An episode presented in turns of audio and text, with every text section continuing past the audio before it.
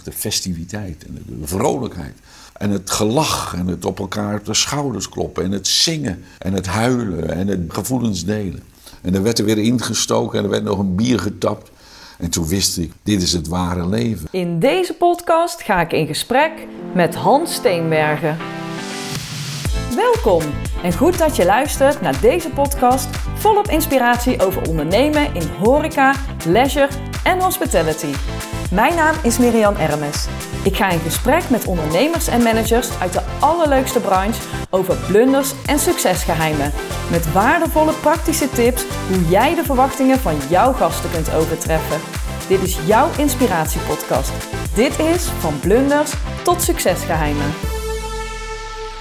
Welkom Hans. Dankjewel dat je te gast wil zijn in mijn podcast van blunders tot succesgeheimen. En uh, we zitten hier in de mooie studio van Food Inspiration, waar al jullie mooie producties allemaal worden opgenomen. Ja, dat klopt. Ja. En zou jij je allereerst even kunnen voorstellen? Dus wie ben je en wat doe je?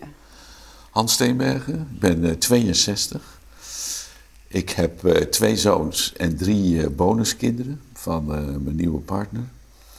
Ik ben, denk ik, expert op het gebied van hospitality, food en drinks. Uh, laten we zeggen de food service markt.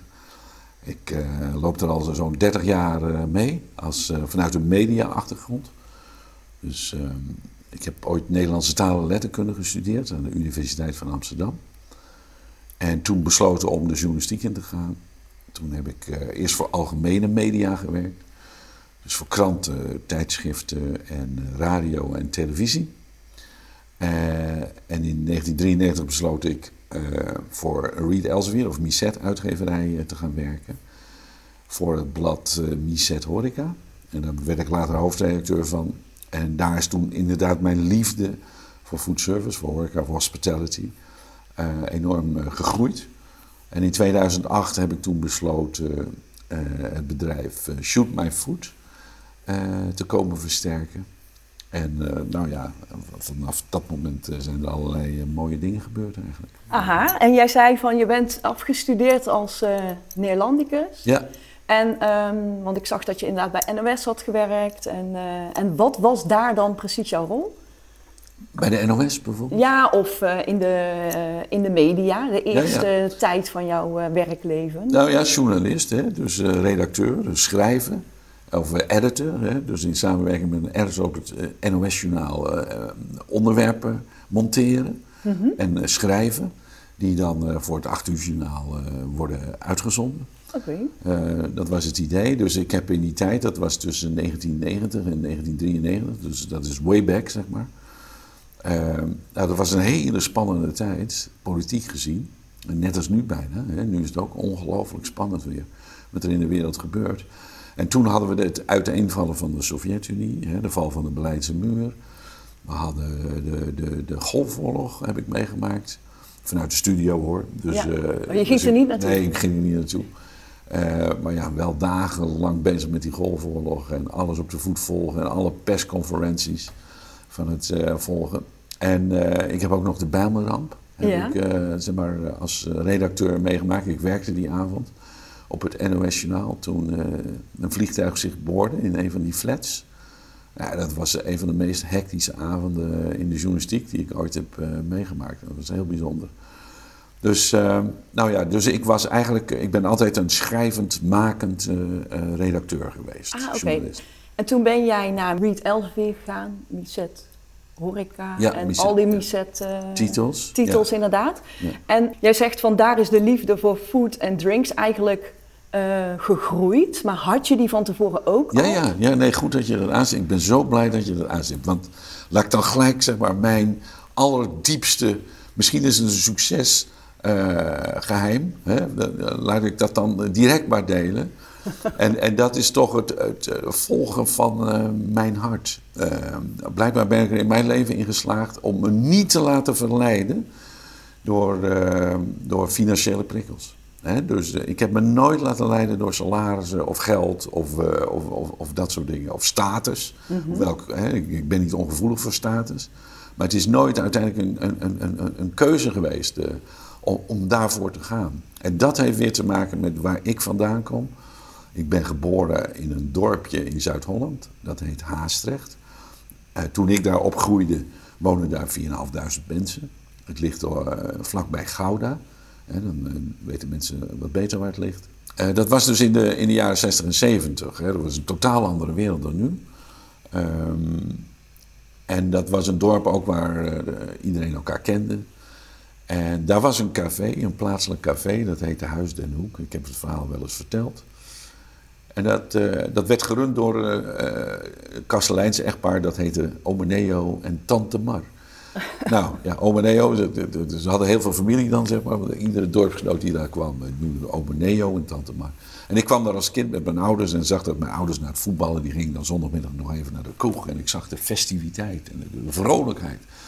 En het gelach en het op elkaar op de schouders kloppen en het zingen en het huilen en het dingen, gevoelens delen. En ik zat daar onder het biljart. Ik kreeg ze nu dan een mars toegeworpen. en een kwartje voor de jukebox, waarin ik uh, zeg maar drie plaatjes mocht uitzoeken. Waarop ik de mensen zag opveren. Als ik het juiste plaatje had gedraaid. En dan werd er weer ingestoken en er werd nog een bier getapt. En toen wist ik van, nou ja, jongens. Uh, dit is het, dit is het ware leven. Hè? Dit is het intense leven. En dat is niet uh, wat er door de week gebeurt. Hè? Waarin ik iedereen vroeg, waren allemaal arbeiders. Want ik kwam zelf ook in een arbeidersmilieu waar iedereen vroeg eh, uit zijn bed moest. En in, en, in de, en in het busje op weg naar de bouwplaats. Um, dus, dus dat vond ik geweldig. En ik denk dat daar de kiem gelegd is van verbinding, uh, inspiratie en, en de bewondering eigenlijk voor de professionals. Die ook dat vak uitoefenen, iedere dag opnieuw. En die in staat zijn om zoveel emotionele ruimte en warmte zeg maar, eh, te creëren waar anderen zich aan kunnen laven. Hè? Veel meer dan alleen een biertje of een kopje koffie. Nou, en, en, en dat geheim, wat er in de samenleving zit, hè, die functie van horeca, ja, dat heb ik altijd wel willen dienen. Oh, wat tof zeg. Mooi om, uh, mooi om te horen. Echt een mooi verhaal. En dat kwam dus, dat borrelde weer op toen je bij Miset... Uh... Ja, ja, blijkbaar. Hè? Ja. Dus dan zit je zo'n rode lijn en dan denk je van... oké, okay, ik, ik zat op zo'n... Zo'n punt. Ja, zo'n zo'n kruispunt in mijn leven. Ik woonde toen in Amsterdam. Ik had uh, twee kinderen en ik woonde daar prachtig. Uh, vlak bij de Rij, op de Rooseveltlaan. En ik werkte bij het NOS Journaal. En, nou ja, hè, dus en dan ga ik op een gegeven moment verhuizen naar een of andere plaats in Nederland. Dat heet Doetinchem. Waar, ja, wat is dat? dat is helemaal de andere kant. Een hele andere kant op. Nou, vanuit de Amsterdamse wereld is dat emigreren. Hè, vanuit mm -hmm. het Amsterdamse perspectief. Want daar houdt de wereld wel op uh, voorbij de grachtengordel. Uh, laat staan dat er voorbij Arnhem nog een heel stuk Nederland is. Waar uh, Doetinchem is gelegen. Maar ik heb het toch gedaan. Ik heb het hele gezin meegenomen. Ik zeg, we gaan daar naartoe. En we gaan daar ons leven zeg maar, opbouwen. En dat hebben we toen gedaan. En ik vermoed dat daar een link heeft gezeten van... Oké jongens, ik kan hier op het NOS-journaal... Dan kan ik een hele dag bezig zijn. Hè? Dan heb ik twee minuten heb ik een item. Op het journaal wordt, wordt uitgezonden en wordt voorgelezen door een nieuwslezer. Ja. En ik denk, oké, dat is mijn werk. En ja, lekker mm -hmm. belangrijk, denk ik dan. Mm -hmm. Het moet er zijn, hè. Ik heb de grootste respect voor het NOS Journaal. Maar misschien is dat niet mijn rol. Ja. Misschien heb ik een andere rol. Ik zocht ook meer verdieping. Ik wil van één onderwerp of bedrijfstak in dit geval eigenlijk heel veel weten. En wat heb, jij dan uh, gebracht bij Miset, zeg maar? Want uh, je bent hoofdredacteur uh, geworden. En wat was dan jouw toegevoegde waarde? Wat bracht jij Miset? Ja, dat zouden anderen moeten zeggen. Hè? Ja, dat klopt. Maar, ja, maar ja, dat denk, is misschien kun je het zelf ook wel een beetje ja, invullen. Het is inmiddels in de geschiedenis verdwenen. Daarom. Nou ja, uh, ik merkte altijd dat, uh, zeg maar, vakbladjournalistiek, dat dat binnen het hele journalistieke krachtenveld, dat, dat was zo'n beetje het souterrain van de journalistiek. Dat, dat, was, dat werd niet echt serieus genomen. Door, uh, hè, als, je, als je een hiërarchie mm -hmm. in media zou moeten maken, dan, dan staat bovenaan kranten en uh, NOS-journaal en mm -hmm. actualiteitenrubrieken. Ja. En dan kreeg je regionale kranten toen nog. Hè. En dan krijg je op een gegeven moment uh, vakbladen. Okay. En daaronder zitten nog huis- en huisbladen. En ik vond dat bullshit.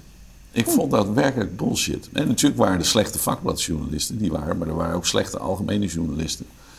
En ik had zoiets van, nou, als ik nou mijn kennis en ervaring, als ik dat een beetje in die vakbladjournalistiek, als ik een beetje kan opseksen, mm -hmm. hè, om het zo maar eens te zeggen, aantrekkelijker kan maken.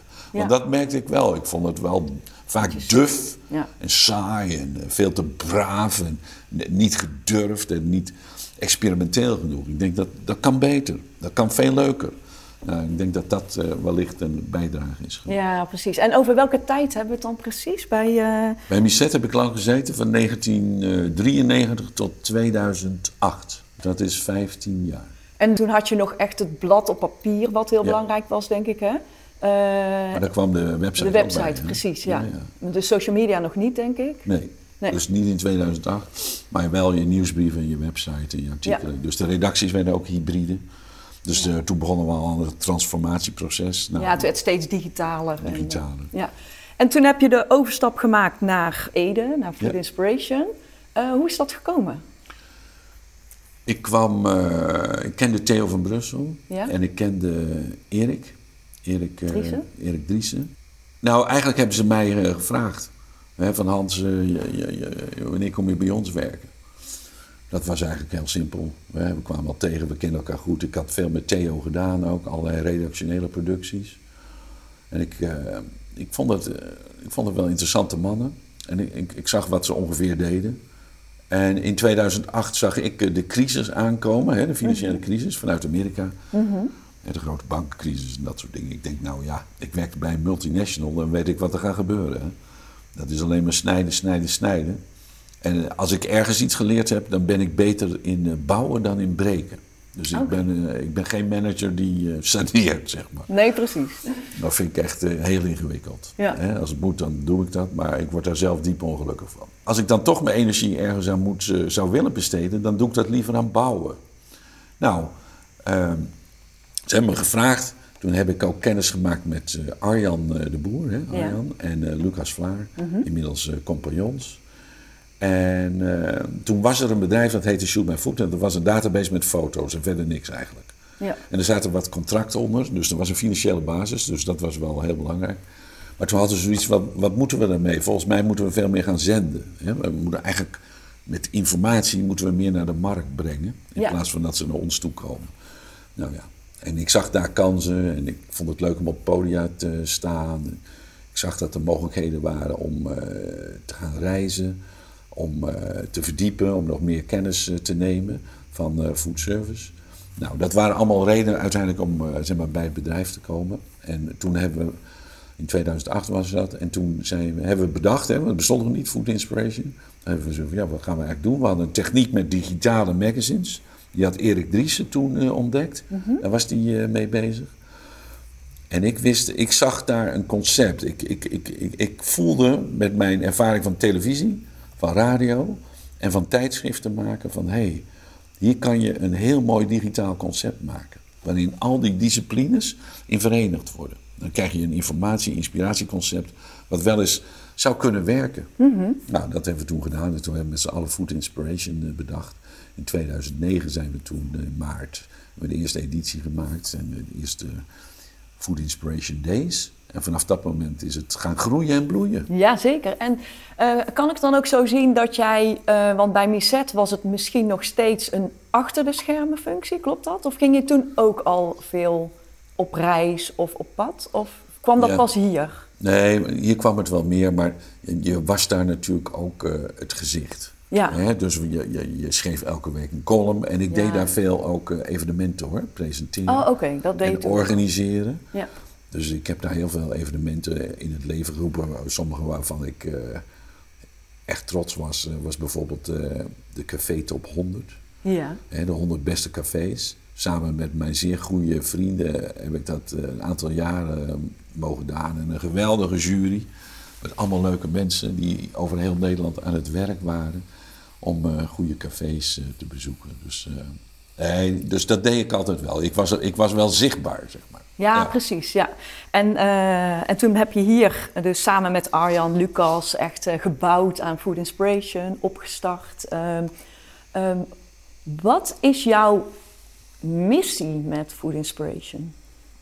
Nou, dan kom ik terug bij het dorpscafé. Dat is toch eh, professionals in food inspireren. Ja, Hè, en waarbij ik dan zelf vanuit mijn achtergrond altijd de gelaagdheid heb gezien van eh, het, het runnen van een eh, de- de- ik, in mijn ogen is dat veel meer de economie. Hè? Dat is ook sociale en culturele en emotionele opbrengst aan de samenleving, die nooit wordt gekwantificeerd als het ware. Wat bedoel ik daarmee? Hè? Eh, nou, jij komt uit Kaam, daar zit de plaatselijke café. Ja. Eh, en, en iedereen kent de Kasteleins echtpaar. En, en mensen vinden het fijn om daar naartoe te gaan en voelen zich dankzij dat café en die mensen toch verbonden. Mhm. hè, hè, wat, wat vroeger, laten we zeggen, de, was voorbehouden aan de kerk. Ja. En de verenigingen, die zijn er natuurlijk nog, de verenigingen, maar dat is ook voorbehouden aan een heel goed café, een heel kastelein. En, nou, en die opbrengst, die, die heb ik altijd geëerd. Dus ik wilde inspireren, maar ik wilde ze ook in laten zien van jongens, het is wel een heel bijzondere business waar je in zit. Ja. Dus de waarde, die is groter dan alleen de, de profit en loss. Ja, precies. Dus het is ook echt een maatschappelijke Ja, taak of een maatschappelijke ja, ontwikkeling, zeg maar. Ja. want ook net als in zo'n dorp, iedereen kent elkaar en iedereen gaat naar dat café en daardoor krijg je dat natuurlijk. Dat gevoel, ja, ik snap precies wat je zegt. En jij bent ook schrijver. ja. Je hebt twee boeken geschreven. Eerst De Gelukkigste Manager, Ja. persoonlijke zoektocht naar geluk in werk. ja. Dat was eigenlijk in de tijd dat je net wel, net niet Miset Horeca nog zat? Of- Ja. Nou, het verhaaltje daarvan achter is, als je het leuk vindt om te Ja. horen. Theo van Brussel, die had net Food Service Network opgericht. Althans, ik moet eerlijk zeggen, eh, Enrique Vigé, eh Gerard Sterkburg en Theo en Erik, die hebben dat Food Service Network opgericht. En, en ze zochten een, eh, een spreker bij een thema relatie met jezelf. Dat was het. En ze Hans, jij hebt iets meegemaakt. Ik had een burn-out achter de rug. Hè. Oh. Ik heb eh, natuurlijk ook mijn dingen meegemaakt. Ja. In dit geval was het een burn-out. Moet je ook tegenaan lopen. En eh, toen heb ik daar een, een, eh, een presentatie over gegeven. in de Efteling. Ik Oh. weet het nog goed. En dat was, ik was daar best nerveus over. Hè? Want ik denk, jezus, het is wel een persoonlijk verhaal, Hans, wat je gaat vertellen. Hè? Over wat je allemaal meemaakt. En je lessen die je geleerd hebt. Ik denk, nou ja, ik ben benieuwd. Maar ze stonden werkelijk op de bank. Mensen waren erg blown away. En dat, dat klinkt wel aanmatigend, hè, als Ja. ik dat zeg. Maar dat, dat, dat was echt zo. En dat was door jouw kwetsbaarheid? of Ja, door- kwetsbaarheid. En blijkbaar kan ik ook wel iets Leuk vertellen vertellen. Ja. op het eh, podium. En, en, en, en, en dingen formuleren, onder woorden brengen. Ik denk dat, ja. Ehm, nou ja, ik ging uiteindelijk weg een aantal jaren later bij ehm, de Misset. En ik had zoiets van, ik wilde mensen iets meegeven eigenlijk. En dat is uiteindelijk die presentatie. Dat is onderwerp van een boekje geworden. De gelukkigste manager. Ja, van hoe word je eigenlijk gelukkig in je werk. En dat heb ik aan iedereen die in mijn receptie en andere mensen die dat leuk vonden, heb ik dat eh, meegegeven of verkocht. Ah. Van, hé, hey, dit, is een, eh, dit is mijn afscheid. Ja, ja, ja. En daarna, want het andere boek heeft natuurlijk meer impact gehad. Ja, Ehm, ik heb het gelezen in de vakantie. En eh, ik, vond, eh, ik was onder de indruk, moet ik zeggen. Binnenste buiten, reisverhaal naar mijn hart. Zou je kunnen uitleggen waarom je dit zo mooi wilde delen? Eh, dat is een innerlijke drang. Hè, dus ik, waar ik niet aan ontkwam. Ik, ik had zoiets van, ja, ik heb nu, eh, dus ik had bij burn-out, in dit geval had ik een hartinfarct, ja, je maakt wat mee in het leven. Hè. Dus, eh, maar de vraag is wat je ermee doet natuurlijk. Hè. Ja. Hè, je, er overkomt je iets, van, kan je daar nog iets moois van maken? Kan je nog iets positiefs? eh, je kan ook gaan zitten sippen en eh, denken van, nou, eh, wat me nou allemaal overkomt. En je geeft de wereld de schuld en zo van alle ellende. Ja, zo zit ik niet in elkaar natuurlijk. Dus ik denk, ja, daar, daar moet ik iets mee. Dus, dus het werd het startpunt van een reis, merkte ik. Hè. Ik, ik had wat dingen op te lossen na zo'n hartinfarct. Ja. Hè, behalve fysiek, ook emotioneel en spiritueel. Dus ik wist ook, ik, ik moet op reis. Ja. Ik, ik moet dingen gaan ontdekken. Ik moet mezelf, als het ware, ontbolsteren, weer kwetsbaar maken. Want ik zat een beetje op slot. Dan denk ik van, nou, dat is eigenlijk ook wel heel interessant. Want ik kom wel veel meer mensen tegen. Want ik begon mensen te bevragen ook. Hè. Dat is een deel, ik denk, nou, ik ben journalist. Ik ga vragen hoe andere mensen Ja. eh, omgegaan zijn met tegenslag in hun leven. Hè. Wat hebben ze dan geleerd en hoe hebben ze dat gedaan? En wat hebben ze dan eh, voor oplossingen gevonden? En ik zag daar een soort patroon in. En toen wist ik ook van, oké, Hansie, eh, dit moet je gewoon delen met de wereld. Dit is belangrijk. En die ervaringen van die 50 mensen, geloof ik, hè, die je hebt ondervraagd, heeft dat ook geholpen in je eigen reis? Of heeft dat vooral geholpen in het formuleren van het verhaal? Ja, dat laatste. Ja. Dus het heeft vooral het inzicht vergroot. Oh, zo, ja. Dus, dus oké, blijkbaar is mijn proces wel onderdeel van iets groters, wat andere mensen ook meemaken. Ja. En wat je dan meemaakt, hè, dat, dat kan variëren. Mhm. Eh, in mijn geval een hartinfarct, maar het kan ook een scheiding zijn. Of je kan je baan verliezen of zo, weet Ja. je wel. Of je gaat failliet of eh, whatever. En dan vragen ze wat je daarmee doet. Kan het een, een, een, een moment zijn dat je jezelf herijkt? Dat zie je dan veel bij mensen. Ja. En hoe doe je dat dan? Ja. Dan gaat iedereen toch op zoek naar zijn innerlijke kompas. Ja. Waartoe ben ik op aarde eigenlijk? En wa- wat moet ik nou met de rest van mijn leven doen? En hoe kom ik erachter wat ik met de rest van mijn leven wil doen? Nou, dan zie je dat mensen naar binnen gaan. Ze, ze, ze zoeken vaak een omgeving die even wat anders is dan eh, hun routine. En dan proberen ze toch in gesprek te komen met hun diepere zelf. Hè? Wat Mhm. iedereen heeft. Wat vaak overschreeuwd wordt door de, ja, de dagelijkse herrie waarin Ja. we allemaal zitten. Ja. Van verplichtingen, social media en eh, nou, noem maar op. ja, je wordt geleefd vaak. Je wordt geleefd. Ja. En, eh, en als je dat weer ontsluiert en je bent eh, in gesprek met jezelf. En, en je hoort die innerlijke fluisterstem van, nou volgens mij moet je die kant op. Ja, dan, dan, dan, dan is dat een hele goede richtsnoer om je leven een vervolg te geven. En uiteindelijk, ja, die inzichten, ja, die wilde ik op een mooie manier delen via dat boek. Ja, want als ik even terugga, want in 2015 kreeg je dat hartinfarct. En drie jaar later eh, gaf je aan hè, van eh, heb je de angst verruild voor de liefde. Toen ben je, eh, had je het voor jezelf op een rijtje, denk ik, en kon je weer Ja. vooruit.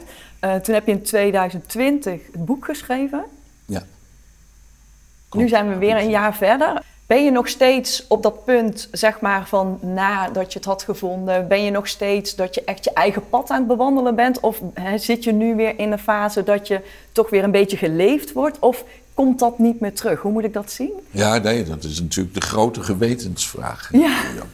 Van Hans, eh, Let je wel op jezelf? let je wel op jezelf en laat je weer niet meeslepen door allerlei verplichtingen. En eh, ik moet eerlijk zeggen, ja natuurlijk laat ik me weer meeslepen. Ja, Ja.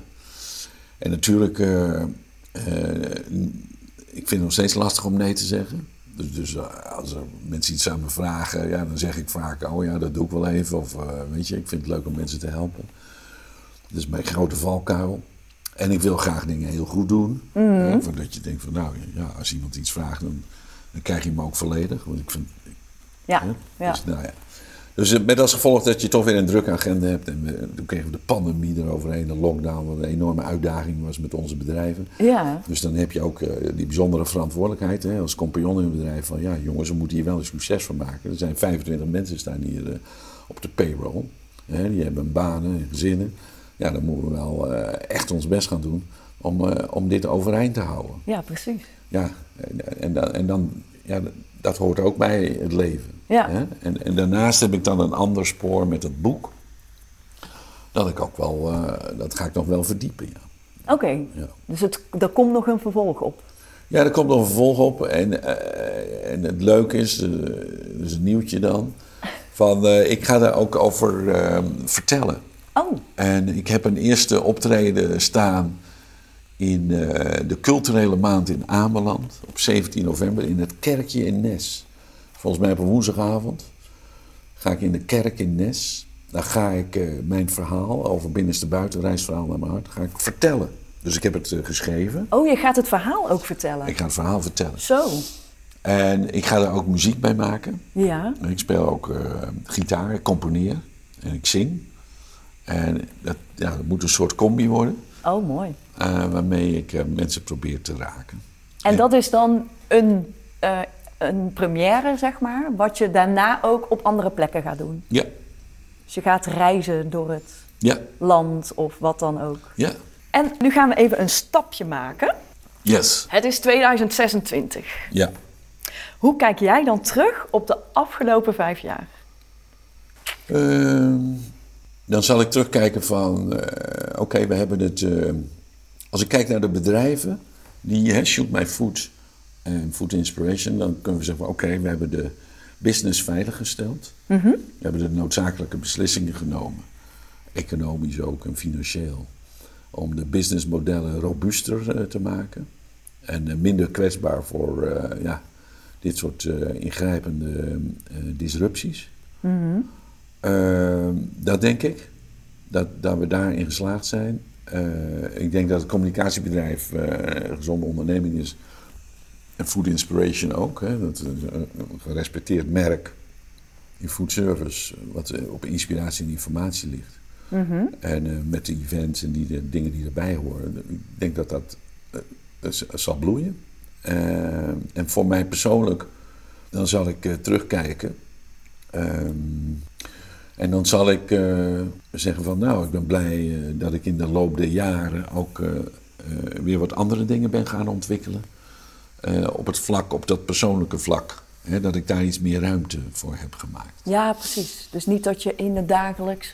Nee, dat je al- nou dat ik alleen maar met de company. Want dit, vergis je niet, hè, dit is echt dit is een fulltime job. Ja, Ik bedoel, ik ben daar, je mentale tijd dat je daarmee bezig bent, ja, dat is echt heel veel. ja. Dat is ook niet erg. Ik bedoel, eh, je hoort mij niet klagen. Want ik, het is hartstikke leuk en heel inspiratievol.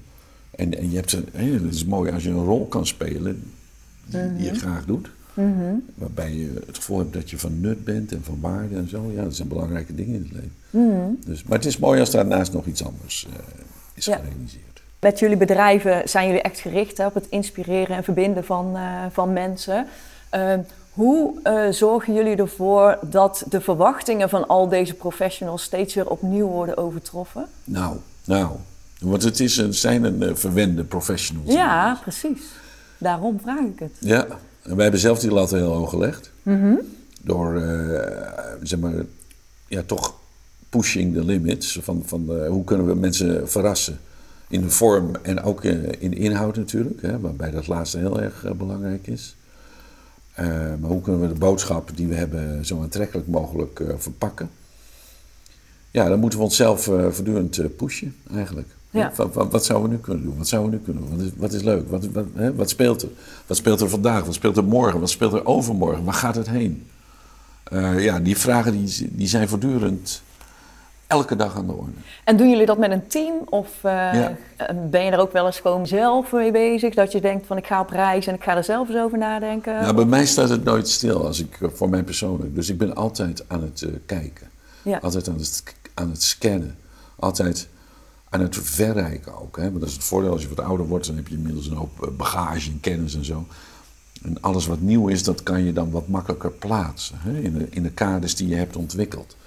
En voor iemand die nieuw begint, ja, dan is alles even belangrijk. Maar ik kan dus heel goed zien van, ja, dit is, nou, dit is niks. Nou, eh, dat is wel belangrijk. Ja. Dat gaat wel wat worden.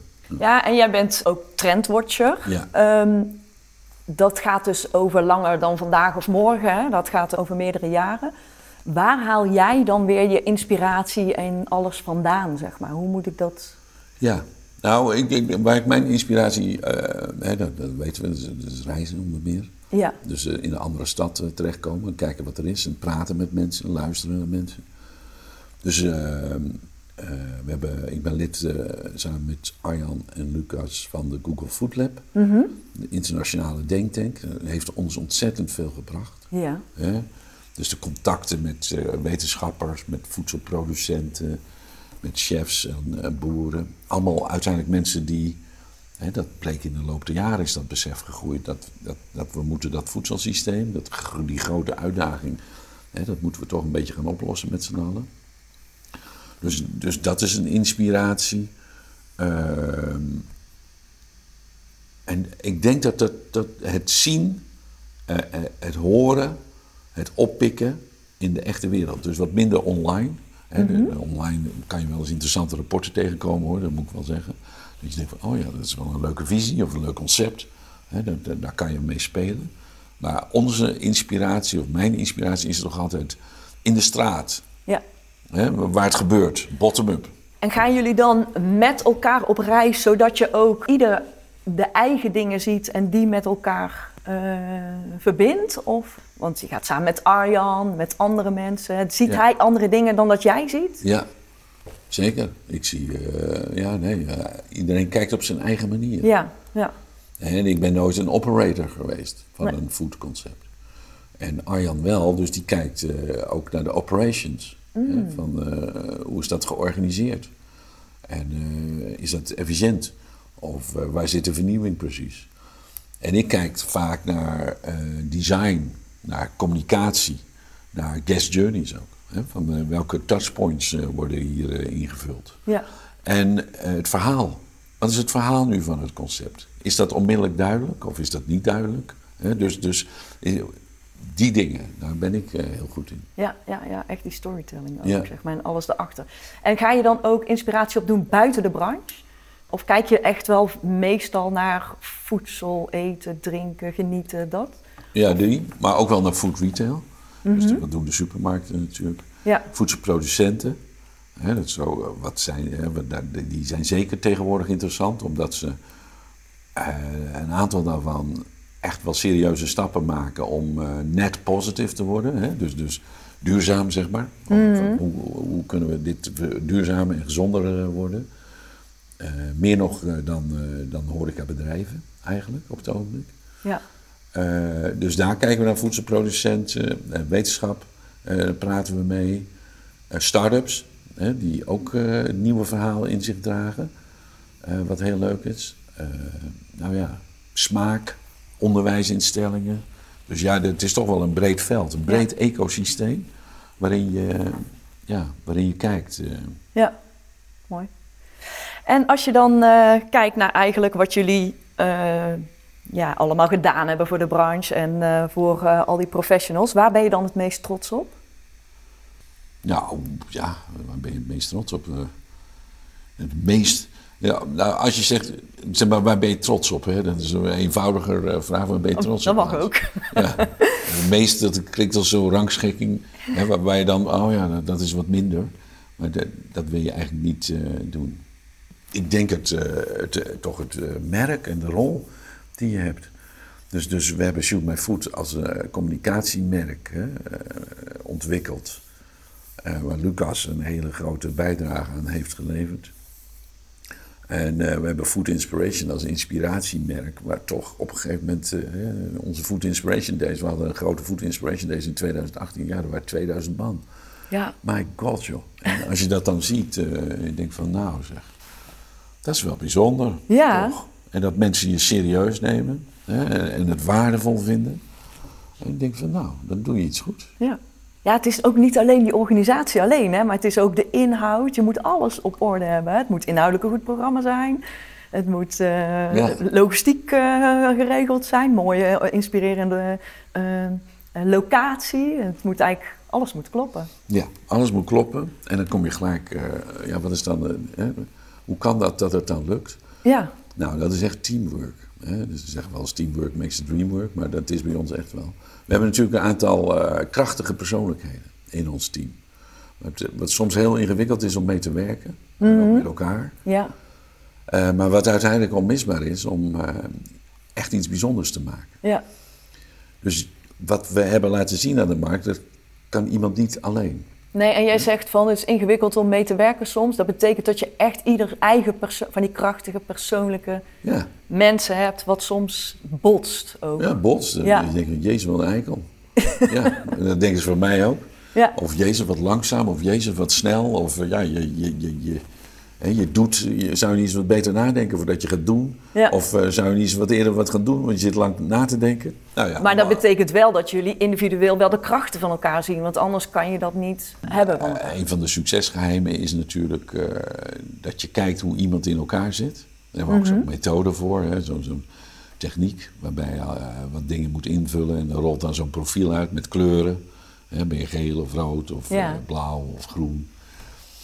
Eh, nou, het geeft een richtsnoer hoe iemand in elkaar zit. Hè? Wat, wat iemand is en wat zijn eh, gedrag is eh, als reactie op zijn omgeving waarin iemand functioneert. Dat kan Ja. je helpen inzicht te krijgen, maar bottom line is van, van hey, waar ligt je kracht, waar je talent? Hè, wij, hebben, wij hebben zelf gezegd van in het begin toen wij startten, we, we- we zijn een bandje. Hè, dus, dus en een bandje of een voetbalteam of maakt niet uit, maar noem maar even een bandje. Wil je muziek maken? Wat kan jij spelen dan? Ben je goed op de bas of ben je goed in de zang of eh, de gitaar of de toetsen Ja. of eh, de drums? Kan je schrijven? Ja. nou, en waar ben jij dan goed in? Nou, als jij daar goed in bent, dan ga jij dat doen, dan ga ik dit doen. En ik denk dat ik dit kan. En jij bent goed in organiseren. Nou, dan ga jij eh, organiseren. Jij bent goed in financiën. Doe jij de financiën dan? Want dat is ook wel belangrijk. Ja, Dus Zo hebben we dat gedaan. Ja, dat is een beetje start-up gevoel.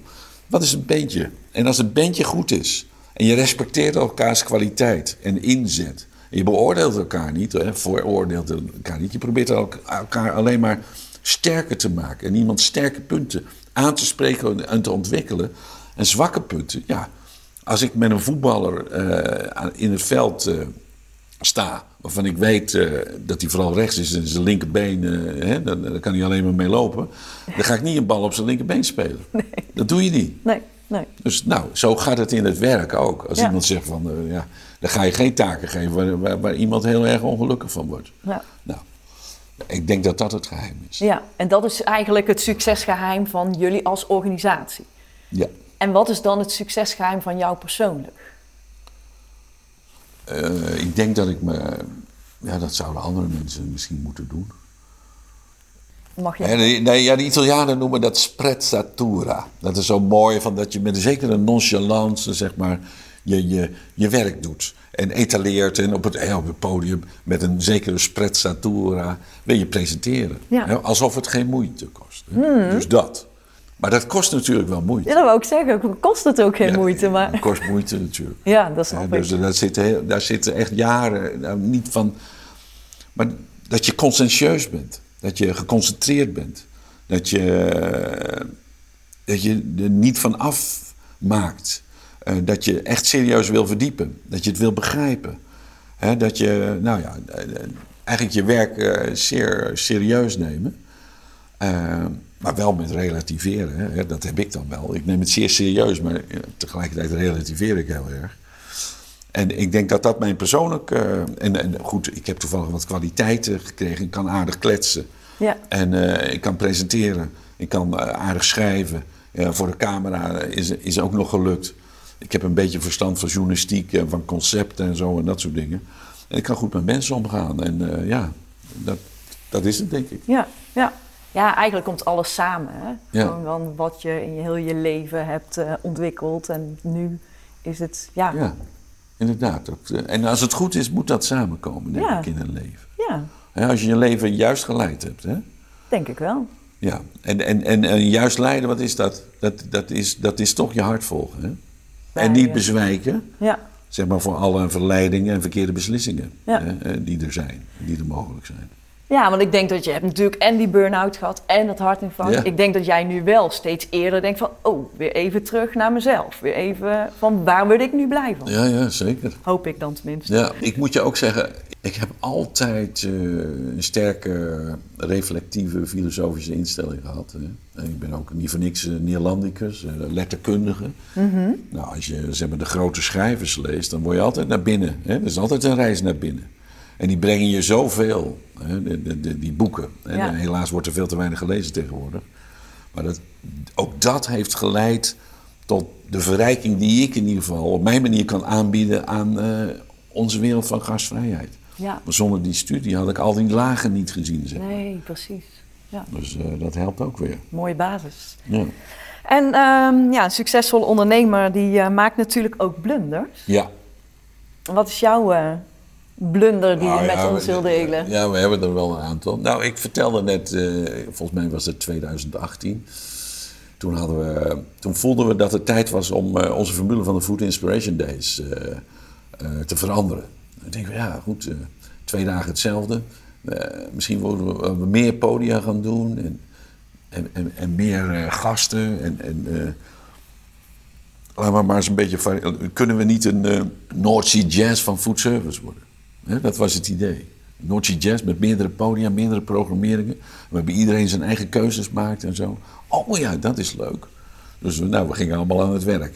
En op een gegeven moment hadden we een line-up van uh, meer dan 100 sprekers. Zo. En op, uh, volgens mij, 10 podia. Nou, dat was echt. Oh, ja. En er kwamen 2000 mensen. We hadden een geweldige markt met onze partners. Inspiratiemarkt. Nou, schitterend zag dat eruit. En we waren allemaal reet enthousiast. Maar ja, op een gegeven moment kregen we het bonnetje van alles wat we bedacht hadden. En dat was echt een gigantische budgetoverschrijding. Oh. Ja, en toen dachten we van, oké, we hebben heel hard gewerkt, maar we hebben er eigenlijk geen, echt geen, geen, werkelijk geen cent aan verdiend. nou, dat is misschien niet helemaal slim. Dus nou, daarvan hebben we wel, eh, nou, laten we nou op voorhand toch onze budgetten, hè, die we dan afspreken, laten we die wat serieuzer nemen met z'n allen. Want, want hè, de business is ook belangrijk. Dus de creatie is geweldig, maar je kunt je er dus ook in verliezen. Ja, precies. Ja. Dat is een van mijn valkuilen. We hebben eens een keer een Trendement-app gemaakt. Hè, we, we- we hadden, eh, volgens mij staat hij nog op mijn telefoon. Dat vond ik fantastisch. We, maakten namelijk een trendrapport. Het bleek een goed idee te zijn. Mensen, 3000 mensen vroegen een preview aan. Van, nou, ik wil weten wat jullie zeggen zonder het te kopen. Hè? Maar een aantal kochten het gelukkig toch. En we hadden niet van, zoveel mensen geïnteresseerd zijn specifiek in die trends. Laten we dan een app ontwikkelen waarin we dat eh, doen. En laten we daar een abonnementenmodel voor ontwikkelen. Hartstikke leuk, geweldig idee. Maar ja, uiteindelijk willen mensen helemaal niet betalen voor informatie. Dat we leven in een tijd, hè, door onze Amerikaanse tech-jongens, eh, is, dat, eh, is dat gebeurd eigenlijk. Hè? De Facebooken en eh, nou, Instagrams en, Googles. Van oké, eh, jullie krijgen informatie gratis. Ja. En zij, gebruiken de data. Nou, een model met data hadden wij nog niet. Dus ja, dat ging dus ook niet goed. Nee. Zo'n trendement. Dus dat is ook een blunder. Of een blunder. Kijk, dat zijn lessen. Hè? Ja, precies. Ja, Je jullie leert. gaan heel enthousiast ergens in, je gaat het ontwikkelen en vervolgens denk je van, hmm, Ja. dat is niet het beste rendement. En Nee. soms is financieel misschien niet zo belangrijk en gaat het om van, eh, hè, kan ik er op een andere manier iets aan verdienen? Ja. Maar ja, Ja, nee, zeker. Ja. En, die af, en, en ik moet zeggen, hè, we, hebben, we zijn niet money driven hoor, bij Nee. ons. We zijn echt wel waarde gedreven. We willen eigenlijk mooie dingen doen. Ik heb een keer een congres geleid in de opdracht van. En dat doe ik ook veel dus, hè, moderaties. Ik denk van, oh, dat was een internationaal congres. Dat was allemaal in het Engels en zo, dat soort dingen. Ik vind het wel leuk om al eh, nationaliteiten zeg maar, in hun eigen taal... eh, en ik had dat nagevraagd bij de organisatie. Nou, klopt, twintig talen. Dus ik zeg allemaal welkom in eh, die eigen talen. oh jee. En dat ging ook hartstikke goed. Alleen bleek een van de hoofdgasten. Die bleek eh, niet genoemd te zijn door mij. Oh. Dat is ook lullig dus. Dat is echt lullig. dus dat was even... En, en die kwam uit, ik weet niet, ik geloof Maleisië of zo, weet ik veel. Maar gelukkig kwam na mij de directeur of de organisator en die, en die zette dat gelukkig even recht. En, Oh. eh, ja, dat zijn van die momenten. En dan denk ik van Hans, dat ga ik niet meer doen. Nee, dan probeer je het niet zo goed Ik ga niet meer, Nee. want ik, ik zie iemand over... En hoe leuk je het ook wilt maken, Ja. wilt doen... maar dan kan, het risico is veel te groot dat het fout gaat. Oh, wat zonde, wat zonde. Heb je dat nu, dat je elke keer erover nadenkt van... oh, dit is ons spotje bij wat we gaan ontwikkelen of organiseren? Of blijft het gewoon van, eh, we gaan het doen en we zien later? Nou, we zijn wel wat bewuster. Hè, dus je- eh, het is ook logisch bij bedrijven. Hè, bij die start-up, dan moet je heel veel proberen ook. En heel veel doen Ja. en leren eigenlijk. En op een gegeven moment, ja, we zitten misschien iets meer in consolideren of doorontwikkelen. Of hoe je dat wil noemen in management jargon. En ik denk dat dat wel eh, een goede les is geweest eh, hè, voor ons allemaal. Van, eh, nou, dus, dat- hoort ook bij business. Ja, precies. Hey, en Hans, jij wordt eigenlijk gezien als een grote inspiratiebron hè, in de branche. Samen met, met de bedrijven natuurlijk. Maar wie is jouw grote voorbeeld? Johan Cruijff. Ja, ik zag het. Je ziet het. Ik zit hier met een shirt met Johan Cruijff erop. Daar heb ik nog een leuke anekdote over. Ik was in 2010 in eh, Zuid-Afrika tijdens de wereldkampioenschap voetbal in Johannesburg. En ik was uitgenodigd door een andere eh, bekende horecaman, eh, Charles van Gogh. Van Mise en Place, want die, had daar, die leverde daar een groot aantal mensen voor de service bij al die stadions. Hij zegt, Hans, kom een weekend, dat is goed. En ik zat daar op, eh, wij, vlogen, wij vlogen vrijdag in en zaterdagochtend deden we koffie drinken op het Nelson Mandela-plein in Johannesburg. Nou, hartstikke leuk. En ik zat daar met eh, Hubert Ummel, zat daar, en eh, nog twee anderen. En we zitten daar koffie te drinken op zaterdagochtend. En dan zie ik ineens daar in de verte, zie ik Johan Cruijff voorbij wandelen. En ik zat er eigenlijk met de rug naartoe en iemand zegt, hé hey joh, daar zie ik Johan Cruijff. En inderdaad, jongen. Ik zag hem zo, eh, zeg maar, dat plein. Ik denk, jezus, Johan Cruijff, zeg maar, mijn grote held. Mijn absolute allergrootste held. Die liep daar gewoon maar op een afstandje. Liep hij daar, hoe is het mogelijk? Dus, Jongens, hè? En eh, aardige jongens. Dus dan, dan ga je erover eh, vertellen aan elkaar. Van, eh, hoe je geïnspireerd bent geweest door Johan. En ben gaan voetballen. En al die fragmenten die je allemaal uit je hoofd weet. En al die boeken die ik over hem gelezen heb. Nou, anyhow. Wat gebeurt er? Johan die komt weer terug. Samen met een Spanjaard was hij. Een vriend van hem. En die komt weer op het plein. Het was echt druk, hè? Maar alle stoelen die waren zo'n beetje bezet. En ik zie hem een beetje kijken van waar kan ik zitten? Dat is het moment van de waarheid. Ja. Wat doe je dan? Ja, kom maar hier. Ja. Dus ik sta op. Ik zeg, Johan! Johan! Zeg ik. Op mijn Amsterdamse accent. Kwam ineens weer tevoorschijn. Ik zeg, Johan. Dus ik maak die beweging, kom hier joh. En verdomd, hij komt. En we regelen een paar stoelen. We sturen wat mensen weg volgens mij. Ik zeg, ik heb je stoel nodig. En we zetten hem eh, neer. En hij komt samen met zijn vriend. En we hebben drie kwartier en we met Johan aan tafel gezeten. En echt, ik zit nou te lullen, hè. Ja. Ik heb drie kwartier mijn mond gehouden. Oh. En alleen maar geluisterd. Oh, wat was En echt. ze nu dan een vraag. En weet je, helden, als helden, zoiets, dus dat je met ontroering en vervulling en bewondering naar iemand kijkt. Wauw. Nou, mooi. Ik heb nog één vraag, Hans. Ja, zeker. En dat is met wat je nu weet, wat zou je dan vijf jaar geleden als advies aan jezelf hebben gegeven? Eh voor mijn hartinfarct bijvoorbeeld. Nou, misschien is het voor jou inderdaad wat langer. Ja, nee, dan zou ik wel, eh, want ik, eh, als ik daarop terugkijk, dan, dan ik heb wel ontzettend veel gegeven. Dus, dus te veel. Ja, dat is ook, denk ik, maar goed, ik had ook een vervelende scheiding achter de rug. Dat, gaat ook eh, ergens in je lichaam eh, een plek eh, vinden, denk ik.